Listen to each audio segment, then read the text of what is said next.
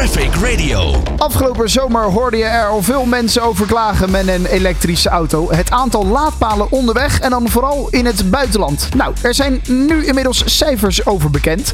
De European Automobile Manufacturers Association, oftewel de ACEA, die heeft berekend hoeveel laadpalen, hoeveel uh, ja, laadpalen er nou ja, voor elke 100 kilometer aan weg zijn in de Europese Unie. En wat valt erop aan deze cijfers en hoe staan we ervoor als Europese Unie? Dat bespreek ik met Jan Lemkes van Autoweek. Jan, een hele goede middag. Goedemiddag. Ja, de cijfers die zijn eh, bekendgemaakt door de ACEA. Uh, wat, wat viel jou op aan deze cijfers? Hoe staan we ervoor? Uh, nou ja, in de eerste plaats dat Nederland bovenaan staat. Ja. Hoewel dat niet echt een verrassing is, moet ik, uh, moet ik zeggen. Want we weten al een tijdje dat Nederland in absolute zin de meeste laadpalen heeft uh, van de hele Europese Unie. Maar nu weten we ook dat het per 100 kilometer de meeste laadpalen zijn van de hele EU in ieder geval.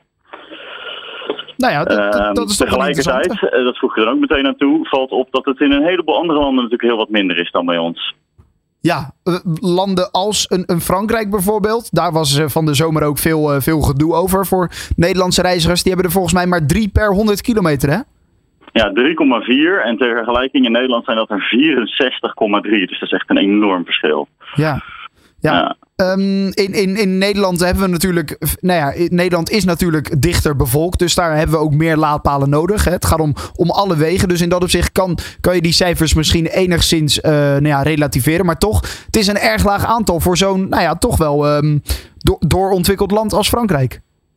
Klopt. En uh, nou moet ik er wel trouwens even bij zeggen voor de context. Het gaat om alle laadpalen, niet alleen om snelladers. Dus waar je aan refereert uh, voor wat betreft vakanties. Het zijn natuurlijk vooral de snelladers hè, langs de snelweg die je nodig hebt om even uh, nou ja, om je vakantiebestemming te bereiken. Dit zijn echt alle laadpalen.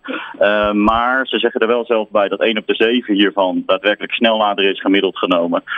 dus ja, Nederland loopt natuurlijk ook op dat vlak voorop. Maar inderdaad, een heleboel landen hebben er echt ja, te weinig. In ieder geval flink minder dan Nederland, ja. En dat heeft natuurlijk ook alles mee te maken dat de verkoop van elektrische auto's bij ons de laatste jaren uh, best wel hard is gegaan. Veel eerder op gang kwam ook in, dan in heel veel andere landen. Ja, want hoe staat dat ervoor in andere landen, de, de verkoop van uh, elektrische voertuigen? Nou, je ziet het wel toenemen. Um, uh, en dat heeft allerlei redenen. Uh, vaak ook wel subsidies, hè? net als bij ons. Bij ons heeft ja. natuurlijk ook in eerste plaats te maken gehad met allerlei bijtellingsvoordeel enzovoorts. En nu zie je ook wel andere landen daarmee um, aan het werk gaan om, om Frankrijk nog even als voorbeeld te nemen. Die hebben gisteren aangekondigd dat de subsidie op EV's weer naar 7000 euro gaat. Dat was eerder geloof ik iets minder. Maar in ieder geval zijn dat echt wel hele stevige bedragen. Dus als je daar dan rondrijdt, dan zul je ook wel steeds meer elektrische auto's gaan zien. Ja, wat, zeg, wat zeggen deze cijfers over uh, de, de, de acceptatie van de elektrische voertuigen? Want ik bedoel, als, je, als, als uh, veel worden verkocht, moeten er uiteindelijk ook veel laadpalen komen. Maar toch is die, die drang naar veel laadpalen er nog niet in nou ja, genoeg landen. Nee, uh, nou ja, dat gaat, ook dat gaat wel veranderen. Kijk, in Nederland zag je uh, toen, toen hè, dat begon een beetje in 2012 met, uh, met de Tesla Model S, uh, zag je al meteen allerlei ondernemingen ontstaan, zoals Fastnet, van die grote gele laadstations bij tankstations ongeveer. Ja. En die zagen daar blijkbaar wel, wel hel in. En ik verwacht eigenlijk dat dat dan ook in andere landen wel zal gaan gebeuren. sowieso zijn er een aantal Europese laadnetwerk. Je hebt Ionity. Uh, die heeft echt wel in elk land, uh, tenminste in de meeste westerse landen, wel een aantal laden staan inmiddels. En als de, als de verkoop toeneemt, dan zul je dat natuurlijk ook zien toenemen. Alleen is dat een beetje een, een kip-of-ei verhaal.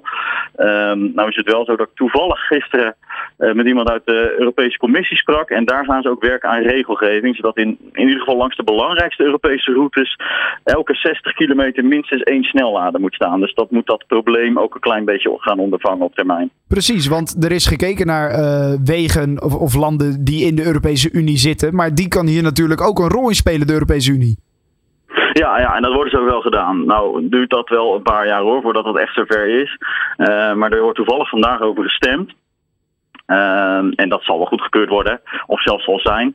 Uh, en dan dat betekent dat dus dat je in ieder geval voor 2030 elke 60 kilometer een, een, een snellader, dat gaat dus wel specifiek over snelladers, een snellader moet hebben langs de belangrijkste Europese um, hoofdwegen. Dus nou ja, de, EU hangt labels aan wegen en de belangrijkste doorgaande wegen die krijgen dan elke 60 kilometer um, minstens één snellader. Ja, en dan moet dat vooral als we op vakantie willen met, met z'n allen wat beter geregeld zijn. Want afgelopen zomer was het echt wel een, een probleem hè, voor veel reizigers met een elektrische auto. Ja, ja, je blijft als het verhalen wel horen. Nou, nou is het natuurlijk. Het ene probleem is dat er gewoon te weinig laders zijn. Het andere probleem is dat laden nou eenmaal langer duurt dan tanken. Dus als je eenmaal. Hè, bij tankstation sta je ook wel eens achter een andere auto. Maar dat duurt dan uh, vijf minuten en dan kun je alsnog. Ja. En als je hier twee auto's voor je hebt en die zijn allebei een half uur bezig. Ja, dat is wel heel vervelend. Um, ja, het zal wel gaan verbeteren. Maar de komende jaren zou ik zeggen. Uh, plan je reis goed en denk goed na over waar je mogelijkerwijs voor drukte zal komen te staan. Ja, inderdaad. En check sowieso eventjes vooraf waar je precies kan, uh, kan laden. Want uh, nou ja, dat is ook nog niet, zoals aangegeven, nog niet overal even goed geregeld in alle landen. Nee. Zeker, zeker. Daarom. Oké. Okay. voor nu wil ik je bedanken, Jan. En nou ja, dit artikel kan je teruglezen op autoweek.nl. voor nu bedankt en veel succes nog vandaag. Graag gedaan. Fijne dag. Always on the road. Traffic Radio.